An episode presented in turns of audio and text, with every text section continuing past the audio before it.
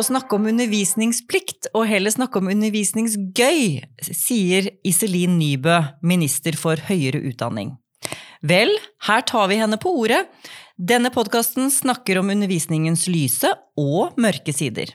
Mitt navn er Gunn Enli, i studiedekan ved Det humanistiske fakultet, Universitetet i Oslo. Her på kontoret mitt tenker jeg mye på undervisning, men det jeg liker aller best, er å tenke sammen med andre. Og derfor så har jeg invitert en gjest i dag til å tenke på undervisning og snakke sammen med meg. Det er en person som ikke bare er hun en formidabel sanger, ikke bare leder hun Ritmo, Senter for fremragende forskning, men hun er også regnet som en av verdens fremste Prince-forskere.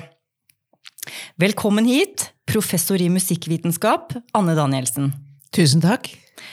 Jeg har lyst til å starte med Prince, jeg. Ja. Det er jo en uh, stor artist, eller som du skriver i din hovedoppgave, den lille, store mannen som startet sin karriere som popartist med leggvarmer og svart tangatruse. uh, hva er det ved Prince som fascinerer deg? Altså, det er så mange ting, og, men jeg har faktisk ikke vært mest fascinert kanskje av det visuelle, selv om den uh, Det er jo interessant med en mann som på en måte er så androgyn, som spiller så veldig på sin egen liksom uh, På et mangfold av identiteter, og som faktisk også har liksom en veldig stor appell til både menn og kvinner. Det synes jeg, det er jo interessant. Men min fascinasjon for Prins begynte Det er en musikalsk fascinasjon, ja. og som kom en gang på 80-tallet. Og faktisk ble ikke ikke på en måte frelst av Purple Rain, som veldig mange gjorde. Det var en plate som het Parade, som ja. kom i 1985. Som blant annet har den store hiten Kiss på seg. Ja. Eh, som gjorde meg virkelig Jeg husker jeg kjøpte ja. den skiva. Gikk liksom, Tok den med meg hjem til kollektivet. og satte på den skiva og ble bare helt eh, slått i bakken av Det var et eller annet med den produksjonen ja. som var så nyskapende. Han tøyde liksom grensene så sinnssykt eh, langt. Jeg tenkte at dette er bare helt utrolig ja. frekt. Og da ble jeg kjempefascinert. Ja. Men jeg tror det også, også er det en kombinasjon av at Prince er en sånn blanding av veldig, Han er veldig svart. Han kommer jo veldig fra den svarte amerikanske musikktradisjonen. Mm. Veldig veldig funky, veldig dansbar. Og så har han på en måte også dette her litt sånn arty-farty ja. På en måte en slags sånn artpop-preg samtidig. I hvert fall hadde han det i perioder av karrieren. Og det er kanskje mine to liksom, eh, grunnleggende forelskelser når det gjelder musikk. er kanskje akkurat de to aspektene. Da. Og når du finner det i én artist, så er det fantastisk. Ja, at han både er funky og litt eksperimentell. Uh, det albumet du snakker om, Parade, der mm. er det jo Raspberry Beret. Og um, Er det ikke det? Nei, det tror jeg faktisk er på Around the World in a Day. Oh. Eller tar jeg feil? Men jeg er innmari dårlig på diskografi, og det, det er helt håpløst når jeg liksom driver med det jeg gjør. For det, folk kommer jo bare hele tiden og tror at jeg har kål på hver eneste lille hvem spilte på bassist, hvem var bassisten på den track, men det har jeg ikke. Men det er en låter som Girls and Boys er ja. på um, Parade. Uh, den, uh, og altså, 'Sometimes It Snows in April', for eksempel, ja, som er en nydelig liten den er nydelig, ja. Den er jo helt fantastisk. Og Kiss er jo kanskje den på en måte frekkeste produksjonen på hele, hele albumet. hele albumet, ja. Mm. Så der startet din fascinasjon for Prince. Uh, hvordan har han preget ditt liv som forsker og underviser? Har du trukket ham inn? Altså, du skrev jo hovedoppgave om ham, så du har jo på en måte hatt en forskningsinteresse også? Det har jeg absolutt. Og jeg, jeg, tror faktisk at han eh, Altså, jeg kom jo fra Jeg var jo spilte jo band på det tidspunktet, eller sang. Og kom jo fra en veldig sånn inderlig eh, altså Jeg hadde på en måte et slags ideal på at man skal være veldig ærlig og liksom formidle mm. alt veldig liksom én til én. Jeg kom fra en sånn tradisjon. Uh, og Prince er jo en enorm liksom, iscenesetter av seg mm. selv. Så det å liksom å se hvordan han spilte med de rollene, og hvordan han brukte stemmen, da, ja Så man synger jo ekstremt maniert. Alt er på en måte vanvittig overdrevet, og så fungerer det så utrolig bra musikalsk. Så for meg så ble det virkelig en sånn enorm øyeåpner. altså Både som ja.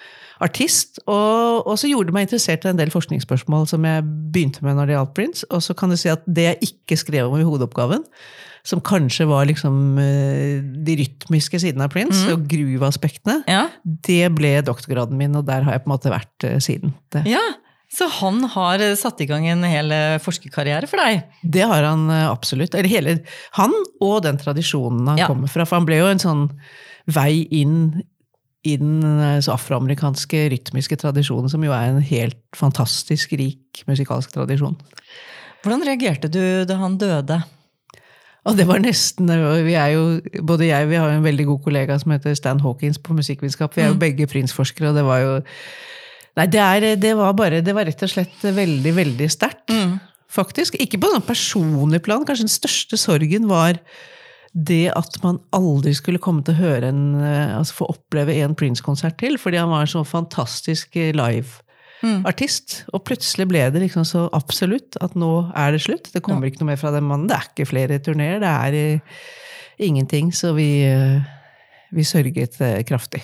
Ja, jeg var på konsert med han på Valle Hovin på 80-tallet. Og det er jo minne for livet, og man vil jo alltid eh, benytte sjansen til å se Prince hvis man har muligheten, men nå er ikke den muligheten der mer. Så det er nettopp der ligger sorgen eh, Ja. og det absolutte. For det er klart at eh, de beste platene hans lagde han kanskje på 80-tallet, og de har vi, på en måte. Men han fortsatte jo å være en helt utrolig bra liveartist. Og den konserten på Valle Hoven fikk jeg faktisk ikke med meg, for da var jeg liksom ikke jeg Prince-fan ennå. Men jeg har vært på alle, alle Prince-konsertene etter det. men jeg er sånn, jeg tenkte, for å se på den siste Prince-konserten jeg var da, så tok jeg med meg datteren min. Fordi hun er også veldig interessert i musikk. Og, og da han døde, så tenkte jeg gud, jeg er utrolig glad for Ja. at hun fikk oppleve han faktisk. Altså, for det, han, Ja. det var noe helt spesielt. Han var jo også sånn fantastisk god gitarist. Så det var, eh, nei, han var så gjennommusikalsk. Ja, Helt uh... musikalsk geni. Uh, og, og veldig mm, innovativ i, i måten han brukte rytmer på. Eh, du har jo ikke bare Prince som ditt forskningsobjekt. Du har jo også skrevet bok om eh, James Brown, f.eks. Uh, boken 'Presence and Pleasure' den vant jo en prestisjefylt pris i USA. Eh, Så det fellestrekket mellom Prince og James Brown er jo ganske opplagt. Ja, og på en måte så forlot jeg jo Prince etter hovedoppgaven. Jeg tok bare på en måte den rytmiske tradisjonen han kom fra, og tok det med meg inn i doktorgraden, og skrev den eh, om det elementet som jeg følte at jeg liksom ikke hadde helt skjønt, og som var eh, hans, ja, hans bakgrunn liksom i 70-tallsfunk. Eh, han var jo, og den boka handler om to artister, både om James Brown og om The Parliament, eller George Clinton og P-funk-kretsen, skal vi si, hvor det var en stor forsamling med litt løse mennesker. Eh, og begge de to musikalske kildene var liksom veldig viktige for Prince. Altså det, Ja, det vet jeg. Så det er, eh, og James Brown har jo vært utrolig viktig for veldig, veldig mange musikere. Han var, eh, han var virkelig en stil, stilskaper på midten av 60-tallet og framover. Ja, og så nå er det rytme du forsker på. Altså i, eh, i Ritmo, da. Ja. Det senteret du leder, så er det rytme dere forsker på. Det er jo sånn jeg tenker at eh, særlig når man hører sånn funky musikk, er det veldig vanskelig å sitte stille. Hva er det med det at vi, vi ikke klarer å liksom la være å bevege oss? Noen av oss, i hvert fall. Ja. Vi hører musikk. Altså for Det tror jeg var min fascinasjon eh, for- for funk også, er at det er så sinnssykt god dansemusikk når det gjøres bra. Og så er det så mye mye vanskeligere å gjøre det bra enn man tror det er. Ja. For det, Man kan liksom tenke seg at det er, det er jo ikke sånn kjempekomplekst, men på et sånn mikronivå så er det faktisk utrolig altså Det er ganske krevende å få det liksom til å svinge ordentlig. Men jeg tror egentlig ingen har klart ordentlig å svare på hvorfor hva det er som beveger. Altså Vi har noen teorier på at det er en slags kombinasjon av eh, rytmer og motrytmer. Altså et spesielt mønster av synkoper, f.eks., som man finner i mye, mye god dansemusikk. Eh, Det er kanskje noen ting på mikronivå, altså på hvordan disse rytmene artikulerer, som gjør at det liksom blir spenst og sprettent og fremdrift. Men det er jo en av de tingene vi skal prøve å finne ut i Rytmo. Rett og slett. Det. Veldig interessant også at dere kobler ulike fagtradisjoner for å finne ut det. Mm. At dere jobber tverrfaglig. Eh, Men eh, hvordan er det egentlig dere underviser i musikk? For jeg har jo aldri studert eh, musikk selv, eh, men medievitenskap er jo litt beslekta med musikk. Samtidig så er det noe annet fordi eh, jeg lurer på liksom Spiller dere musikk for studentene? Er det ja, Hvis du for skulle holde en forelesning om James Brown, så ville du spilt musikken hans og øh, Absolutt. Hvordan, ja, Altså, hvordan arter det seg? Altså nå er Musikkvitenskap blitt et uh, sammensatt fag etter hvert. Det er jo egentlig litt sånn tverrfaglig i seg selv, hele faget. Fordi vi har både veldig klassiske humanistiske tilnærminger. Vi har eh, altså mer sånn praksisorienterte tilnærminger, som går på å lære seg å analysere og skrive og liksom lage og gjøre musikk. Og forstå det. Plukke det fra hverandre. Og så har vi jo mer samfunnsvitenskapelige tilnærminger. Altså hva er musikkens funksjon i samfunnet litt større, og, og mer musikkognitive retninger. Hvordan prosesserer vi det i hodet? Hva, altså, hvordan responderer kropp og musikk? Så det er så mange forskjellige retninger som kommer veldig an på. Ja. Og jeg er så jeg, Det er grunnen til at jeg endte opp i rytme, at jeg har vært innom så mange av disse retningene. Ja. Men hvis jeg skulle holde på en måte min klassiske rytmeforelesning om James Brown, Ja. Så ville jeg nok begynt med å spille et godt valgt musikkeksempel. ja. Og så ville jeg eh, begynt å dissekere det musikkeksempelet, plukke det fra hverandre. Hva er det vi hører her? Hva er det vi hører her? Spurt eh, Ja. studentene, fått dem til å liksom reflektere over hva man hører. Og så ville jeg selvfølgelig liksom lurt inn mer systematiske aspekter igjen. Lagt på teori og sagt at den, det, den figuren der er en sånn type figur, og bla, bla, bla. og den er, altså Så lurer man på en måte inn en sånn teoretisk rammeverk via en ganske grundig analyse av et helt konkret eksempel. Men du synger jo også selv. Har du noen gang sunget for studentene i forelesning eller i seminarer? Eller er det utenfor eh, komfortsone eller utenfor relevans? Det er ikke utenfor relevans. det er det ikke. Altså, jeg, tror, jeg har jo også skrevet musikk, arrangert musikk, så altså, jeg har jobbet mye praktisk med musikk den gangen på, på 80-tallet hvor jeg holdt på med det. Ja. Uh, og det er klart, det er hele utgangspunktet for veldig mye av det jeg har gjort forskningsmessig siden. Ja. Så det har vært veldig veldig viktig for hva jeg har gjort både som underviser og som forsker. Men jeg blander ofte ikke de rollene. Altså Jeg føler at jeg er en, en annen på en Ja. måte når jeg foreleser enn når jeg synger, for eksempel, da. Men jeg kan jo illustrere en liten En liten, melodisnutt liksom, ved å synge den. Det kan jeg gjøre. En liten frase eller Ja. et eller annet. men du forteller ikke studentene dine om din sangkarriere når du foreleser? For du, eller? Nei, kanskje. Jeg har, jeg har foreleste faktisk nå på forrige uke på et sånt låtskriveremne som vi Ja. har. Og da hender det av og til at jeg drar inn litt erfaring min fra, altså fra bransjen og fra min tid eh, da jeg var mer aktiv. For Ja. å, litt for å drive litt sånn erfaringsutveksling og, ja, og for å få i gang dialogen også, for at de er jo kjempeinteressert i, i de sidene ved Ja, musikktingene. det er klart det gir eh, førstehåndserfaring eh, over til studentene ved at du forteller det. Og jeg eh, gjorde jo litt eh, forarbeid før, eh, før jeg skulle møte deg, og da hørte jeg på Eller jeg, det var et klipp som lå ute på YouTube, og jeg tenkte på stemmen din som litt sånn funk eller Aretha Franklin, at den er veldig kraftig eh, og, og energisk. Hvordan jobber du med stemmen? Jeg har jo, Fordi jeg i utgangspunktet er sanger og har sunget så mye, så har jeg egentlig aldri jobbet noe særlig med stemme Nei. i forhold til undervisning. Fordi jeg har på en måte en, en ja, sånn profesjonell eller semiprofesjonell bakgrunn akkurat når det gjelder stemmebruk. Og jeg har jo tatt mye sant, sangtimer. Ja. kan pusteteknikk. Ja. Vet at man ikke skal lenger bli der, men heller kanskje heller, ja, prøve å liksom få en litt roligere klang på det. Eller i det hele tatt så vil jeg si at jeg har hatt enormt mye utbytte. Selv om jeg aldri ikke bruker det direkte, så har jeg hatt veldig mye utbytte av at jeg har så mye sceneerfaring som foreleser.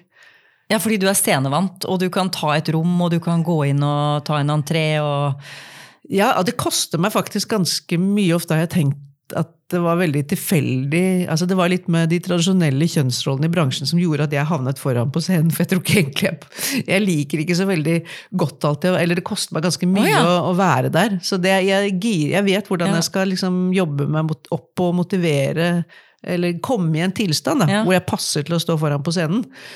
Men, Ja. eh, men i utgangspunktet tror jeg det hadde passet mye bedre som bak eh, Som trommis eller noe. Kvinne, ja, reproduksjon produksjon syns jeg er kjempe, ja. kjempegøy. Men det, altså Når det kommer til det å forelese, så har den erfaringen vært veldig nyttig. Mm. Fordi jeg går liksom litt over i sånn performance-modus. Ja, Og du vet hva som skal til for å skru deg inn på det moduset. Ja.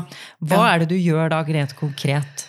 Jeg eh, får opp energinivået. Altså jeg setter meg i situasjonen. Ofte, Ikke alltid, for etter hvert så har man jo et ganske stort sånn repertoar av stoff. Så Ja. det er liksom ikke Jeg lager en hovedstruktur, sånn at jeg vet omtrent hvordan jeg skal starte. Hva som er hovedelementene i forelesningen. Hvordan jeg skal komme fra den ene delen til den andre. Hvordan Ja. jeg skal runde av. Altså noen sånne hoved... Så jeg liksom har en slags, men ellers så er det et ganske løst opplegg, og så bruker jeg resten av tiden rett og slett til å dra meg opp, liksom. Energimessig. Og til å sette meg selv Ofte hvis jeg er nervøs for noe, så forestiller jeg meg selv i det rommet jeg skal Ja. snakke med de jeg skal snakke for. Ja. Og liksom og kjenne på den nervøsiteten i forkant. Da. Nå er jeg nesten aldri nervøs når jeg skal Nei. forelese, men jeg bruker noen av de samme Men du vil gjerne ha nervøsiteten? Ja, jeg må jo ha spenningsnivået må jo være riktig. Det, Ja, fordi nervøsiteten hjelper deg til å yte ditt beste, eller Ja. være veldig present, eller Absolutt. tilstedeværelsen blir sterkere. Tilstedeværelsen er jo kjempeviktig, Mm. og fordi jeg ikke er noe så nervøs lenger, så må jeg liksom få opp det spenningsnivået på annen, annen måte. Da. Men det er jo noe med at man tenker jo så mye klarere også, når man er litt sånn oppe. Ja, men det er sant. og du får, ser alle koblingene mellom stedene, så det, jeg liker å gå Mm. Ja. inn i, i, i liksom undervisningsrommet med litt sånn oppspente øyne. Litt Og sånn, være litt- ja, litt sånn eh, manisk Å Og være litt gira og ta inn. Ja. Um, så du prøver å gjøre deg selv nervøs istedenfor å roe deg ned. Hvert fall Ja. eh, ja.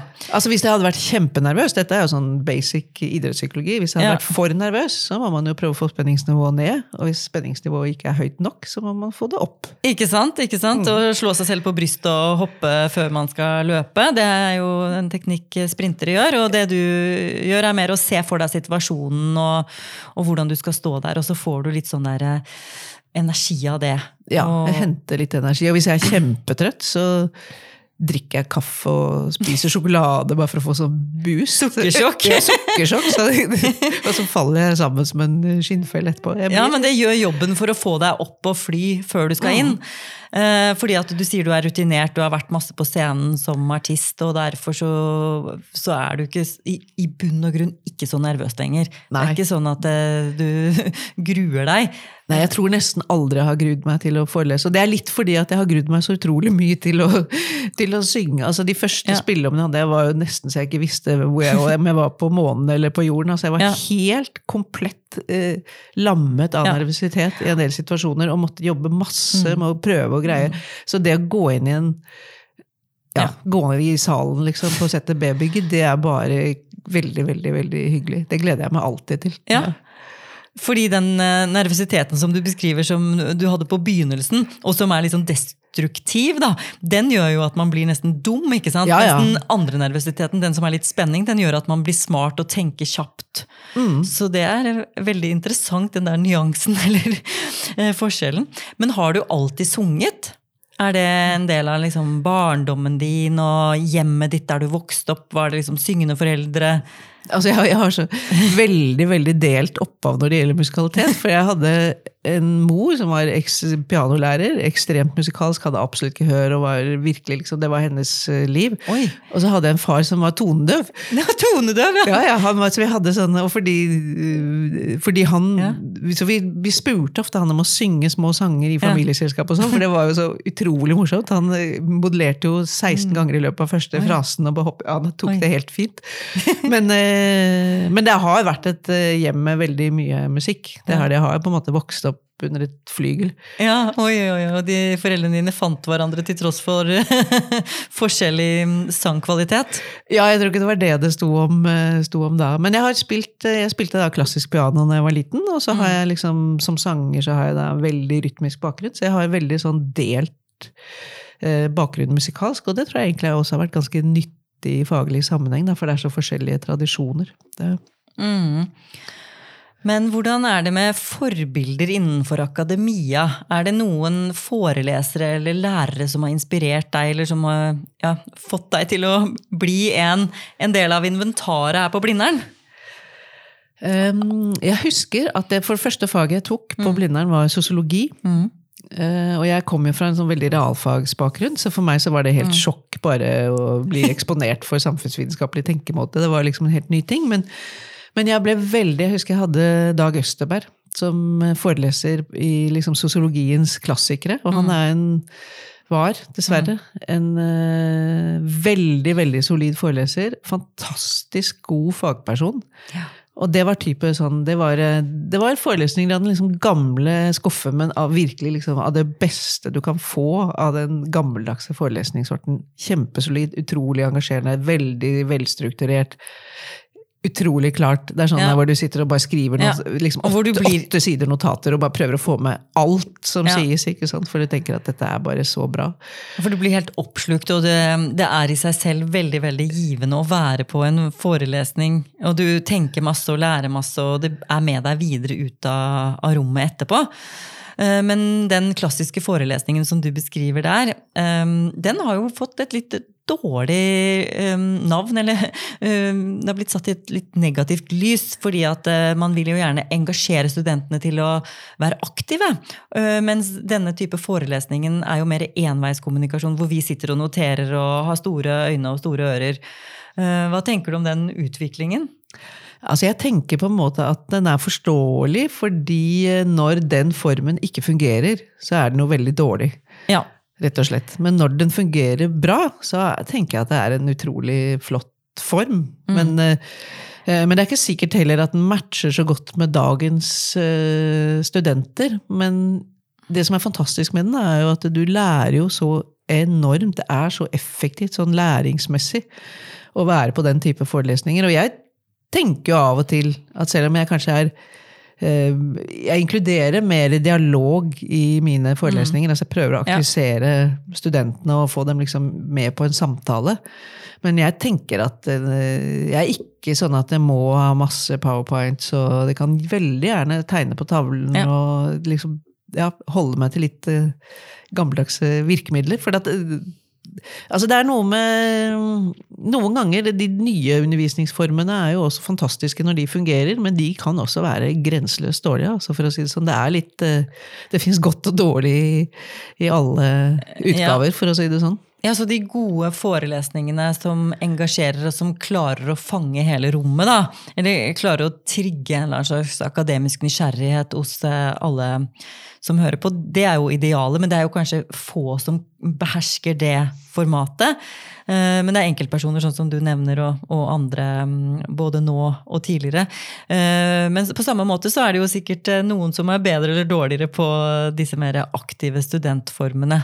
Ja, det tror jeg nok. Som vi, vi kanskje må finne den formen som passer oss best, eller variere og eksperimentere. Eksperimenterer du mye med nye undervisningsformer? Uh, nei, jeg kunne sikkert gjort det mer, men det jeg i hvert fall pleier å ha en bevissthet på, er å kanskje i hvert fall eh, variere litt. da. Altså At vi liksom ikke går i ett modus hele forelesningen. Men at det kanskje er noe, Ja. noe musikk, noe som vises med prosjekter, og noe som skrives på tavlen. At jeg går litt rundt. altså At det er liksom en variasjon i det som skjer der oppe. Ja. Um, men jeg har ikke holdt på så veldig mye med Altså type sånn flipped classroom og altså Mm. digitale Nå er det Jeg snakker jo mye om teknologi Ja. fordi jeg er så jeg er opptatt av det. Det er liksom en del av innholdet Ja. for, i mange av forelesningene mine. Mm. Men jeg har sikkert ikke vært av de som har eksperimentert mest med det. Men hvordan- jeg liker den samtalen Ja. med studentene. rett Ja, for det er samtalen som appellerer til deg, og det er det som Altså de gangene hvor samtalen og dialogen med studentene mm, kommer i, i gang, og de er aktive, er det da du føler de øyeblikkene liksom lyser, da? Hvor du, hvor du finner det veldig inspirerende å forelese eller å undervise? Ja, altså det er en kombinasjon av samtalen og at man liksom greier å tegne det store bildet, da, som setter den samtalen liksom i en større kontekst, og liksom få det inn i en struktur.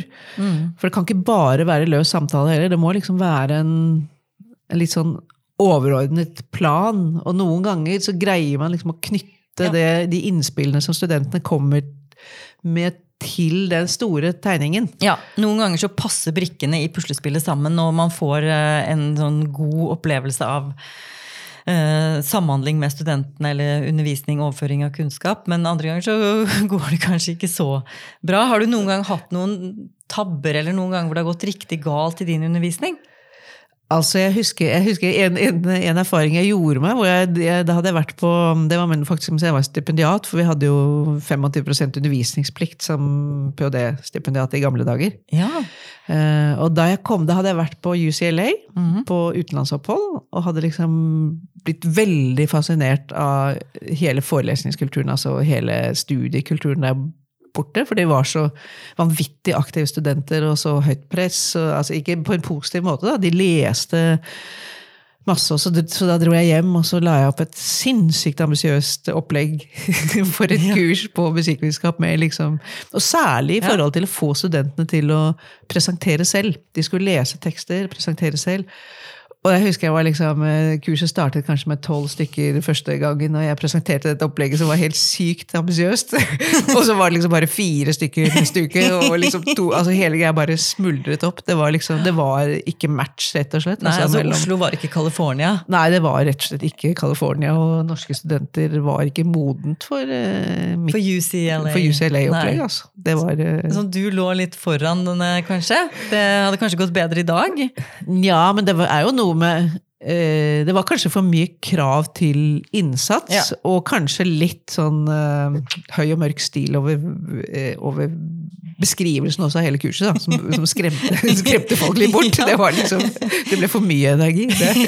Ja, tydeligvis så gjorde du en god jobb med å eh, avskrekke de studentene som hadde mm, først gitt deg en sjanse, eller ville, ville sjekke ut dette kurset. Men eh, jeg har jo snakket med noen andre studenter, da, noen som ble hos deg og ikke, mm. ikke sluttet etter første uka. Eh, og det de sier om deg, det er for det første at du er laid back, eh, i motsetning til mange andre forelesere. Eh, men samtidig så sier de at du er veldig engasjert. Og så tenkte jeg, er det litt motsetningsfylt at man er laid back og engasjert? Og kjenner du deg igjen i det, eller? ja, kanskje. Jeg kan skjønne at jeg kjenner meg igjen i hvert fall det at jeg er en engasjert formidler. Ja, mm. kanskje jeg kjenner meg litt igjen i det i laidback også. Men jeg er jo litt usikker på hva de mener med det, kanskje. Det er jo veldig det. positivt, altså, for jeg fikk jo lange sitater fra studenter, og det, det de sa, var jo at det, det, er jo veldig positivt, og at de uh, har veldig stor respekt for at du er en veldig uh, smart og, og liksom, dyktig forsker. Eh, det, men det at du er laidback til tross for at, eh, at, du har den sterke forskeridentiteten, det, det tolket jeg litt som ja, litt vanskelig å, å si hva, hva, de mente, men det var tydelig at de ville skape et skille mellom deg og noen andre som kanskje var litt uptight, eller altså ikke laidback, da. Eller at det mm. stresset, eller eh, at du virker rolig. Og det kan jo være at du ikke har den graden av nervøsitet, f.eks., eller at du ikke girer deg opp under vei, men at du tar det rolig, da. Mm. Tror, det kan jo også ha noe å gjøre med at jeg aldri egentlig har vært så veldig opptatt av å pushe, liksom. Altså, jeg er ikke noe opptatt av å gjøre ting vanskeligere enn det de er. Nei. Altså, jeg tror ikke jeg er noe redd for å snakke enkelt. Mm. Så, så, sånn sett så blir du laidback, altså tilgjengelig Du tilgjengeliggjør stoffet, eller du Ja gjør det i hvert fall ikke vanskelig for studentene å følge med. Nei, ja, eller jeg tenker kanskje, kanskje, det kan være Jeg er jo opptatt av at man liksom ikke skal bruke kunnskap og, og det og, og, vanskelige ting som makt. Mm. Det, for det, ser, det skjer jo i akademia rett som det er. Og noen ganger er det, er det, vanskelige ting, og ja. noen ganger er det rett og slett ikke mulig å si ting på en enkel måte. Og, det, og da er det bare sånn. Ja. Men, jeg, men, det er kanskje litt sånn der eh, formidlerbakgrunn. Altså at jeg har jobbet litt i radio. Og, jeg syns det, det er et ideal da, å ikke prøve å gjøre ting vanskeligere enn det de er. Nei, for én ting er jo fremmedord og, og, begreper som er veldig utilgjengelige. At man må forklare det og unngå de aller vanskeligste eh, fremmedordene, kanskje. Men, eh, men liksom, akademikere må jo være veldig presise. Vi kan mm. ikke kompromisse ofte med det. Men, eh, men, du klarer tydeligvis å kombinere den pres, det høyt presisjonsnivået da, med, med å det, ha, gjøre stoffet tilgjengelig for studentene. Noen ganger så tror jeg kanskje at um, den dialogen for eksempel, da, går litt på bekostning av presisjon. Mm. Men jeg tenker at det er, det er jo ikke skriftlig, liksom. Altså, hvis jeg leverer Nei. et liksom, skriftlig Ja. fagarbeid, så vil jeg jo jobbe Ja. veldig med presisjon og være veldig, jobbe på en helt annen Ja. måte. Det er et muntlig format. Men det kjenner jeg meg faktisk igjen i det når du sier det, med at eh, det går litt på bekostning av presisjon. Fordi at eh, når jeg leder studentene, eller har en diskusjon og leder en diskusjon, da, så er det noen som rekker opp hånda og så sier de noe. Og så er det sånn cirka riktig. Så sier jeg ja, det stemmer, liksom. Men hvis du hadde satt meg til en vegg med at jeg skulle skrive et paper, så ville jeg ikke skrevet det på den måten som studenten sa det. Men man lar det passere, eller man, man aksepterer det for, for at diskusjonen skal fungere. Men det er derfor jeg har vært litt opptatt av det der med å ha en sånn hovedstruktur. Mm. Og sant, vite hvordan du framer hele forelesningen, Mm. og hvordan du ender. For at du kan, kan dra inn presisjonsnivå ganske mye i det du slutten, opps slutten, ja. oppsummerer liksom det som har skjedd. For da kan du si nå er vi enige om at det er tre momenter her som er viktige, og så kommer du med de tre viktigste, og da skjønner studentene at eh, alt det som har blitt snakket om Ja, de skjønner i hvert fall hva som var viktig, og hva som Ja, og hvordan da- du formulerer det. Og da kan man jo ord, komme med de, den terminologien som er relevant og presis. Og løfte det. i, i den, ja. ja. Kjempebra. Eh, Det er jo sånn at eh, det å studere musikk, det er jo forståelig at man vil eh, studere musikk f.eks. hvis man spiller et instrument eller, eller er opptatt av sang. Men hva er det musikk kan lære oss i dag? Hvorfor er det viktig å studere musikk? Altså jeg tenker at det å faktisk eh, lære både å spille og synge og forstå musikk i seg selv faktisk er veldig verdifullt. Men i tillegg så er det selvfølgelig Altså musikk betyr ekstremt mye for veldig, veldig mange mennesker. Ja. Eh, og jeg tror faktisk at bare det å formidle tanker om hva musikk er, hva den betyr, hvordan den er satt sammen for mennesker som ikke selv i utgangspunktet eh, kan det, det kan, det kan gi et eh, kjempeløft. Men i tillegg så er det jo også veldig mye å si om altså, hva slags funksjon musikken har i forskjellige sammenhenger. Eh, hvordan den kan brukes til både positive og negative formål. Hva som skjer. Man kan bruke musikk også til å studere, som vi gjør i Ritmo, da, altså hva, mm. hvor vi er opptatt av å studere menneskets rytmesans. Og det, da kan man bruke musikk som et case, som et slags ekstremtilfelle da, på en del sånne persepsjonsprosesser.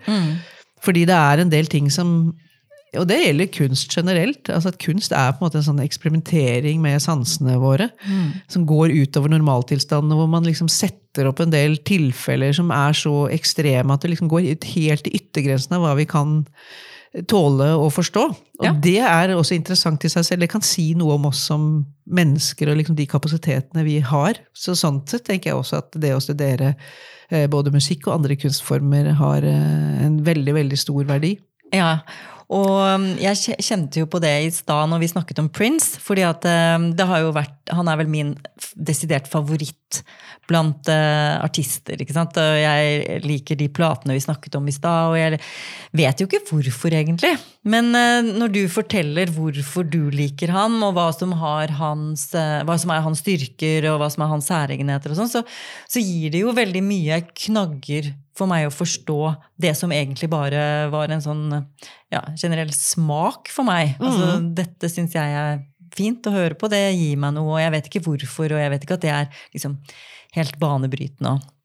Så det, det er jo å hjelpe folk. og, og for som du sier, musikk er jo, er jo veldig, betyr veldig mye for folk.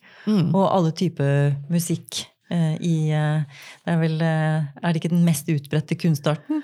Jeg tror i vår tid, hvis man i hvert fall tar i altså alle sjangre, Ja. folks liksom omgang med kunstformer, så tror jeg at uh, musikk har, er, ja, har en enorm utbredelse. Det er liksom, altså alle, Nesten alle forholder seg jo i veldig stor grad Ja. til musikk i dag. Ja, for jeg tenker på alle de som hører på på øret, ikke sant, med øretelefoner, eller som går rundt og omgir seg med musikk. Det er jo veldig mye færre som går i teater eller leser en bok, for den saks skyld. Mm. Så, så det omgir oss jo hele tiden. Nå er det nok mye mange som også tar inn musikk i kombinasjon med bilder. Altså at uh, YouTube eksempel Mm. er blitt en utrolig viktig kilde for musikk. Så det er nok ikke, bare auditive opplevelser, ofte liksom det vi kaller for kryssmodale Ja. opplevelser. da, Både en kombinasjon av det visuelle og det auditive. Mm. Men uh, musikk både som en ingrediens i andre ting og alene, er veldig viktig. Og så er en siste ting som jeg også syns er viktig, og det er, det er jo så mye snakk om innovasjon Ja. og kreativitet og de tingene der, og jeg tenker at det er jo en fantastisk trening i å være kreativ og fleksibel og ha evnen til å improvisere, være innovativ. Og faktisk drive med musikk. Det trenger ikke være på profesjonelt nivå, men bare Nei. det å samhandle og prøve Ja. å finne på Ja. ting og få ting til å fungere, er jo en, virkelig en sånn uh, crash, crash course, i, i, course i, i kreativitet og kreative prosesser. Ja, absolutt. Og skaper veldig sånn sosial eh, tilhørighet, eller ja, god stemning, da. Ja, både god stemning også. Det å liksom faktisk løse kunstneriske problemer er, eh, det er en god trening i innovasjon og Ja. problemløsning. Ja, så det var bra tips å, å ta med seg. Eh, På musikk så er det jo sånn at studentene blir mer eh, værende hos dere enn på andre HF-fag. Hvis vi ser på statistikken, så er det mindre frafall på musikkvitenskap enn de aller fleste andre studieprogrammer. Hva tror du er grunnen til det? Jeg tror at eh, selvfølgelig så er faget i seg selv altså Folk brenner jo ofte for det faget når de først søker seg dit. Men jeg tror også det er noe med måten vi har organisert bachelorutdanningen på. Det er eh, en del smågruppeundervisning, så du blir på en måte ikke så ensom. Du kommer inn i noen sånne faste, litt mindre grupper som gir en veldig sånn kull-følelse. Ja. Uh, og som jeg husker fra min egen tid på musikk også, du får veldig forhold til de du går sammen med på det kullet du går. Og det er selvfølgelig også veldig mye. Du spiller med folk, og det går på kryss og tvers. Og, uh, så det blir Det er litt sånn fame-stemning på, Er det det? på, på musikk av og til. Og det, det er kjempegøy. Og vi ser jo det at Ja.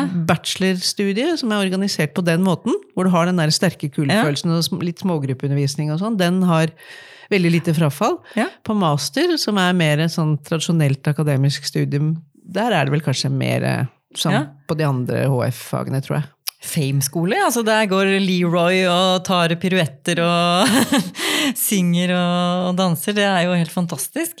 Eh, Jeg eh, må jo si at eh, musikk eh, er viktig også i en podkast.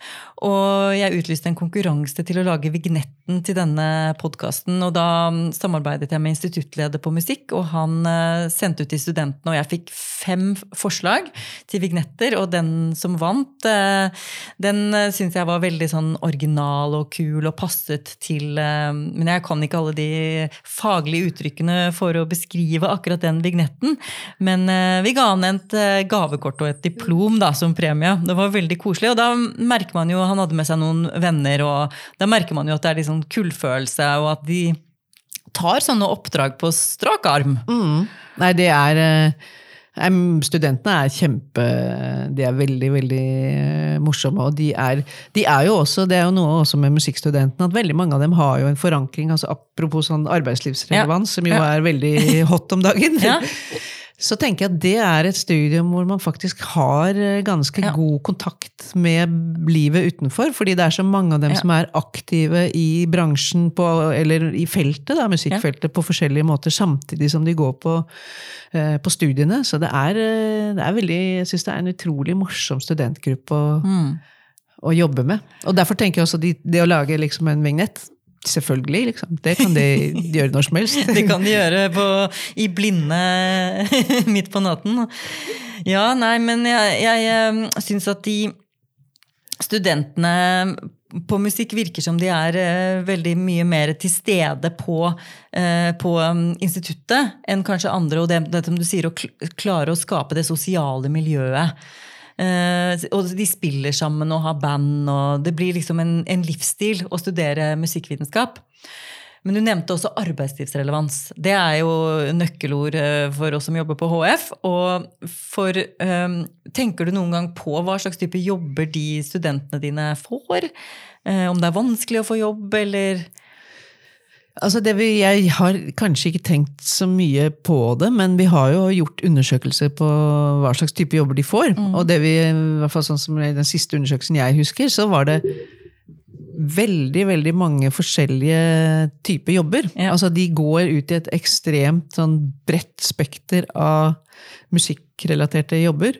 Eh, og jeg tror at noe av det som er bra med det studiet, er jo at du kan, og kanskje særlig i løpet av masteren, er at du kan på en måte sette sammen en egen liten pakke som passer akkurat den jobben du har tenkt å få, eller som du kanskje til dels delvis har. Fordi at en del av de har kanskje jobbet litt på si, enten som produsenter, eller i en organisasjon, eller i mediene. Du kan skreddersy en eh, utdanning som eh, du sikter deg ut mot, en spesiell eh, jobb. Ja, rett og slett. Og når vi ser hvor musikkviterne er, så er det jo overalt. Altså de, har, de er virkelig i alle mulige slags tenkelige jobber som har med musikk å gjøre. Ja. Fra utøvende til produsenter til lærere til organisasjonene, forvaltningen, mediene. Ja, veldig mye forskjellig. Ja.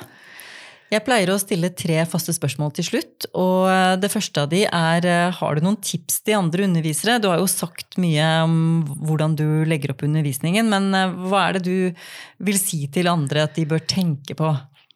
Um, altså Det er jo så avhengig av hvem man er, men jeg tenker at den der blandingen er løst og fast. altså Det å ha en struktur, særlig vite hvor man skal begynne og hvor man skal slutte, og hvordan man skal komme seg fra det ene hoveddelet til den andre, Ja. er viktig. Og så hvis man har eh, mulighet til det, altså sånn som vi har på musikk, så er jo det å faktisk liksom spille noe, eller liksom presentere noe konkret for studentene som de kan respondere på, det er jo en veldig god eh, måte å få dem i gang på, da, sånn dialogmessig.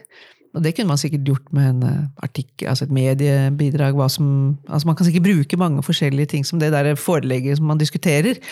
Ja. Så det er kanskje Og la studentene komme tett på kilden eller tett på objektet som man eh, foreleser om. Det tror jeg, altså det der å ha noe, et konkret utgangspunkt som man samtaler rundt og bygger ting opp fra, det, ja, det har i hvert fall fungert veldig bra for meg. Eh, Så lurer jeg på om det er noe du drømmer om å få til innen undervisning eller formidling som du enda ikke har gjort? Tja, hva skulle det være? Jeg har ikke tenkt så mye på hva drømmen min er. Jeg tror jeg drømmer om liksom få at hver, at hver forelesning liksom virkelig skal sitte. Hver gang jeg får til den følelsen at jøss, dette tror jeg gikk ganske bra. Det er eh, drøm nok for meg, egentlig. altså. Ja, Og innenfor eh, prosjektet deres Ritmo, er det å utvikle samhandling da mellom forskning og undervisning en slags drøm, eller er det mer noe som dere har gjort i alle år? Ehm, Jeg tenker at vårt oppdrag er jo ikke å utvikle undervisning, men eh, vi er jo mange der som er veldig glad i å undervise, så jeg tenker at det å formidle innsikter fra Ritmo på lure måter, det, det vil vi gjerne gjøre. Og det er både undervisning kanskje på andre måter også. Det. Ja. Og hvordan tror du høyere utdanning vil utvikle seg i løpet av de liksom neste 15 årene? Hvis du skal lage sånn scenario. Ah, ja, det er ikke, den er ikke lett, altså. Der vil jo sikkert alle svare og det blir masse ny teknologi, og studentene kommer ikke til å være på campus i det hele tatt. og Flipped classroom og sånn, men det er sikkert bare nå. så det er Ja. sikkert, Når vi er om 15 år, så er det sikkert uh, Da er det tilbakelagt. Da er det kanskje tilbakelagt. Så hva det skulle være, det er jeg sannelig ikke helt sikker på. Det jeg kanskje ser, det er som jeg tenker er en utfordring for undervisning, er jo litt den der doble ambisjonen som i hvert fall vår institusjon har om å være en veldig veldig ledende forskningsinstitusjon. Og være et veldig breddeuniversitet. Ja. Det, er, eh, det kan jo av og til være eh, Og det kan jo bli en eh, Det har jo vært en utfordring. Kan være det, hende at det er en utfordring om 15 år også. Kanskje er finansieringen av hele institusjonen en utfordring. Mm, ja, Hvordan man tenker bredde versus elite når det gjelder utdanning, eller når det gjelder eh, forholdet mellom forskningsfronten og masseuniversitet. Det er, det er, liksom, det er forskjellige akser. Det er forskjellig, men de henger litt sammen. De henger sammen, og det Fordi er du ser på at de, de eliteforskningsuniversitetene de har jo også en veldig veldig mye mer silt eh, studentmasse, og det går utrolig mye mer ressurser inn på hver student. Altså Hvis man liksom snakker sånn Oxbridge. Oxford, Cambridge-modellen, så er det jo liksom én-til-én-undervisning liksom, eh, hver uke på bachelor-nivå. ja, og der er ikke vi nå. Der er vel ikke vi helt nå, nei. Nei. Det, det er, eh, men det, og det er klart at det er Eh, Ja, så det å balansere ressurssituasjonen, balansere bredde Mm. mot elite, eh, det er eh, Men det er jo på en måte dagens utfordringer også, så jeg vet ikke om det er så visjonært å si at det Jo, er det det det- handler om om 15 år. Det. Nei, men det kommer til å, å sikkert um, være litt sånn mer av det samme, og så kommer noen av de tendensene vi ser nå til å, å fortsette å ja, bli sterkere. Men én mm. uh, utfordring er jo det der å utdanne folk til kontinuerlig endring og omstilling. Mm. Det, det tror jeg blir det bare mer og mer av. ja, og utdanne folk som kanskje må skape sin egen arbeidsplass, være frilanser eller hele tiden skifte jobb, var det det du tenkte på? Ja, og som på en måte har endrings, Endringskompetanse. kompetanse. Ja. Og som kanskje utdanner seg litt mer over hele livsløpet, må ta etterutdanning, må hele tiden må snu seg. Altså for man, utviklingen går jo Man får følelsen at det, liksom gårsdagens kunnskap holder ikke lenger, så det, noe av det viktigste man kan lære, det er jo evnen til å tilpasse seg til en Ja. ny situasjon. At uansett så er det ikke likt i morgen som det var i dag og i går. Og at det er hovedpoenget. Men øh, uansett så vil jo ingen av oss kunne vite akkurat hva som er situasjonen om 15 år. Nei, Eh, av nettopp denne grunn. Det, Av nettopp denne grunn, og det er det som er litt spennende òg. Så jeg vil si bare tusen takk for at du var med på denne samtalen og denne reisen både framover og bakover i tid, øh, for å lære deg litt mer å kjenne. Tusen takk for at du kom, Anne Danielsen. Eh, Neste uke er vi tilbake med en ny spennende gjest fra Akademias høye elfenbenstårn og dype korridorer. I mellomtiden, gå gjerne inn på iTunes og abonner på Undervisningsplikten.